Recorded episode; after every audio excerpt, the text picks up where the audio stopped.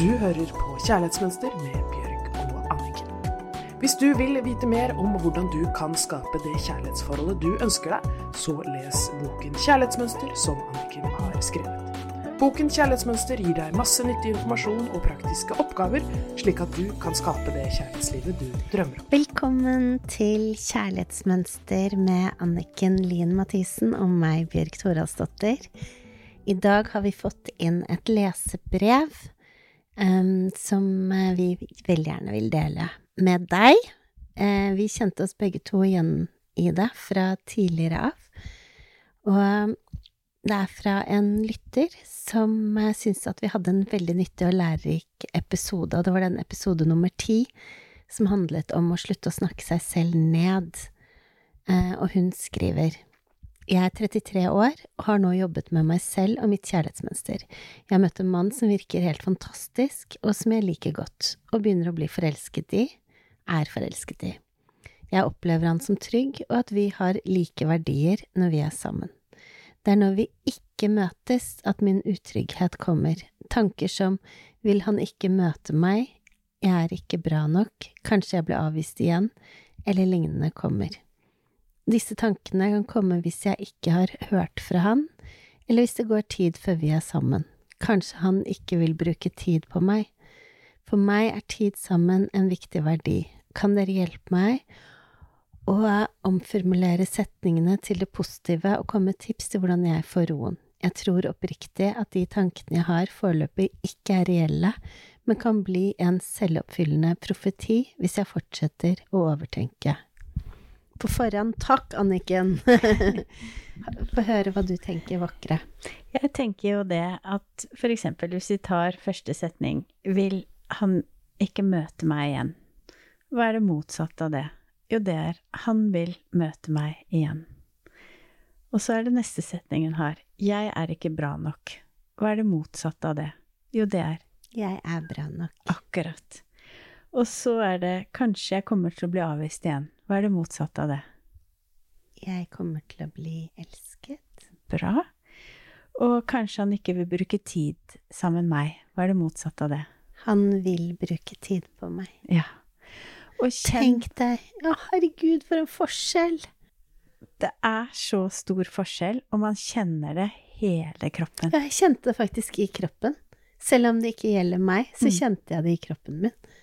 Og jeg føler så med henne, for jeg har jo vært sånn selv, og det vet jeg at du også har vært. Absolutt.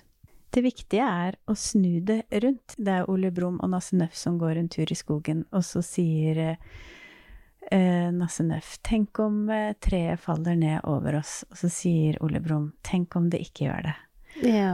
Og det er liksom Det er det samme som å snu setningene til det motsatte. Fordi tenk om han bare gleder seg til å se deg. Tenk om han syns du er mer enn bra nok. Tenk om han tenker at han gleder seg til å bruke masse tid sammen med deg. Så hvorfor skal vi velge å trykke på de knappene, de tankene? Og det er jo ofte ikke noe som føles som et valg, det er jo noe som bare skjer automatisk. Hvor vi har lært oss å snakke på den måten fordi at når vi ønsker oss kjærlighet, så har vi ikke erfart at vi får kjærlighet med en gang. Så vi har ikke erfart 'jeg trenger kjærlighet', 'jeg får kjærlighet', 'jeg er trygg'. Vi har erfart jeg ønsker kjærlighet, jeg får ikke kjærlighet, jeg blir utrygg. Og når vi er utrygge, så begynner vi å tenke negative tanker om oss selv, om situasjonen, om våre muligheter. Det blir begrensende istedenfor at man åpner for muligheter og kjenner seg trygg og glad og gleder seg til det som kommer. Men eh, jeg tenker at dette her har litt med egenverdien å gjøre, at man ikke føler seg verdifull og ikke føler seg elskbar og at man må endre på noen sannheter. Du har helt rett i det, fordi at disse verdiene, de må vi bruke lang tid på å leve i tråd med. Når jeg jobber med mine klienter, så råder jeg dem til å leve i tråd med én verdi i uken, og gjøre det i hvert fall ett år fremover. Ok, men hvis man skal ha Ok, eh, si en verdi jeg skal leve med denne uken her. For eksempel, jeg er glad i meg selv uansett, altså ubetinget kjærlighet. Så da skal du putte det inn i alle eh, tankene dine. Så det ville bety for henne jeg er glad i meg selv selv om han ikke vil møte meg. Jeg er glad i meg selv selv om jeg kanskje kommer til å bli avvist igjen. Fordi at da skaper du denne lettelsen inni kroppen på at du er glad i deg selv. Alt står ikke på spill. Mm. Livet ditt går ikke helt ned hvis ikke han vil møte deg. Du er verdifull allikevel, og det er jo denne verdien vi må jobbe med. Men eh, kan ikke du bruke et annet eksempel på en annen verdi, for det der syns jeg var skikkelig fint. For eksempel um, respekt, ikke sant, for det er jo ganske respektløst å tenke overfor seg selv, som hun skriver, kanskje han ikke vil bruke tid med meg. Mm. Ikke sant, da viser du deg jo selv ingen respekt ved å si noe sånt om deg selv. Hvis du hadde sagt det til en venninne, hadde du vært veldig respektløs når han vil kanskje ikke bruke tid med deg. Det Nei, det hadde vært helt vondt. grusomt Ja. hvis du hadde sagt det til en venninne. Ja, du Nei, kjenner hvor det har vært Ja, jeg får helt vondt vondt, i i, brystet. Ja. Så ikke sant, alle disse tankene vi driver og sier til oss selv, vi får jo så vondt i kroppen, og så Ja. er det vi selv som gjør det. Ja, det Og det er oss selv som kan slutte med det også. Det er gode nyheter! Det er den beste nyheten. Men det krever arbeid. Ikke sant? Det er ikke noe vi klarer å snu på en gang. Og veldig ofte så Jeg forklarer det ofte med at har, altså, vi har jo sånne hjerneriller av tanker som har gått og gått. Og når de har gått i så mange år, så kommer de kjup, kjup, kjup, automatisk bare frem. Så det å skape en ny tanke når man har gått og tenkt i årevis dypt inni seg, kanskje helt ubevisst at 'jeg er ikke bra nok', så det å begynne å si 'jeg er bra nok', det krever arbeid, det krever bevissthet, det krever at man gjør det om og om igjen. Og ikke bare én dag eller tre uker, for dette har vi holdt på i kanskje over 30-40 år. Så vi må gjøre det så mye for å snu det. Det er en langsom Men prosess. sånn som med respekt, da. Hvis det er den verdien du skal jobbe med en uke, hvordan skal du snakke til deg selv da? Det viktigste er Bare sånn, Ja. Er det sånn som eh, Han vil ikke møte meg. Hvordan, en, hvordan endrer du det? Hvordan blir den setningen? Ja, da er det å tenke Hvis jeg hadde hatt respekt for en venninne som jeg syns var skikkelig flott jente, og respekterte henne, og hun sa det at eh, 'jeg tror ikke han vil møte meg igjen', eller var redd Du ville jo da sagt 'han er jo kjempeheldig hvis han får treffe deg'. Du er jo helt fantastisk. Og så ville vi ramset opp alle de fine egenskapene Mm. hun har. Og så ville vi sagt at og hvis det skulle være sånn, så er det jo han som går glipp av noen ting. Så vær trygg og vite at du har din verdi, og at han som til slutt vil treffe deg og får treffe deg, han er uendelig heldig. Så sant, det er sånn da man må spørre selv, hvordan kunne jeg tenke på denne tanken da? Vil han ikke møte meg igjen? Jeg er så redd for at han ikke møter meg igjen. Da må man akkurat tenke sånn, hva ville jeg sagt til meg selv, til en bestevenninne, hvis jeg hadde skikkelig respekt? Jo, hadde jo Ja. sagt det. Hvis han ikke ville møte meg igjen, så er det han det det er det han som går glipp av å bli kjent med fantastisk meg. Hvordan kan man si nei til dette her, liksom? Ja, ikke sant? Og da vil man jo sitte igjen med en helt annen følelse. Man blir ikke så trengende, man blir ikke så desperat. Han må tekste meg i dag. Det må bli han og meg. Ikke sant? Hvis ikke det blir oss, så blir, blir jeg helt ulykkelig. Ikke sant? For da vet man at jeg er bra nok som jeg er, og jeg håper at det kan bli han, men hvis ikke det blir, så går det greit også. Men jeg, men jeg husker at du har sagt at eh, når man blir veldig sånn needy eh, og er i begynnelsen av et forhold Um, At da går du egentlig inn Da blir du på en måte den tenåringsjenta eller gutten. Da blir du liksom deg 15 år eller 13 år som sender ti meldinger etter hverandre og blir helt sånn desperat, eller ja, veldig redd. Og så er det faktisk veldig bra, sånn som hun skrev, og veldig riktig med det med selvoppfyllende profeti. For hvis det er en som blir sånn veldig needy og sånn, så blir man litt sånn så, Og da, da til slutt så tar man jo avstand. Så det er jo Men jeg syns det er veldig interessant hvis du kan snakke litt om den, at man blir den derre needy tenåringsjenta. At man går tilbake til å bli 13 år eller 14 år. Det er jo fordi vi ikke har fått fylt opp, eller fått metta vår, da, som jeg kaller det. Eh, og mm, For metta. metta, husker du ikke eventyret om katten som ikke hadde fått metta si, som bare var sulten og sulten hele tiden og spiste og ble større og større? Og det er jo litt sånn at når vi ikke har fått den- hadde ikke fått metta. Ja, det sier det, for hun ikke hadde fått nok mat, så kalte man har ikke fått metta si. Det er jo det samme med oss mennesker, at når vi ikke har fått dekket de behovene som vi trenger, og da blir det sånn at da er vi sultne hele tiden på den, at noen skal gi oss følelsen av å gjøre oss trygge, gi oss følelsen av at vi er bra nok. Og det, det er ikke noe et annet menneske eller en partner kan eller skal fylle opp, fordi at det, det tomrommet der, det er det bare vi som kan fylle inni oss. Og hvis vi ikke tar ansvar for det selv, da, for det er jo hva jeg kaller et gammelt følelsesmessig sår fra, som kommer fra kjærlighetsmønsteret ditt, så vil vi bli enormt trengende. Ja, Men et gammelt følelsesmessig sår, det, det betyr jo bare at du har blitt såra som barn, at du ikke ble sett som barn eller møtt som barn, eller at behovene ikke ble sett, og da har du det såret. Ja, og det, det vi må huske på at veldig mange sier til meg men jeg ble sett og jeg ble hørt, jeg hadde en fantastisk barndom. Og det kan du ha hatt, men allikevel så er det noe du ikke fikk som du trengte. Ellers så hadde man ikke sittet igjen og vært så trengende nå. Så det er veldig viktig at du som lytter vet det, at man kan ha hatt en fantastisk barndom, men allikevel, fordi vi er så sensitive små vesener, så er det noe vi trenger akkurat der og da som de rundt oss ikke kunne gi oss, og så blir det et følelsesmessig sår.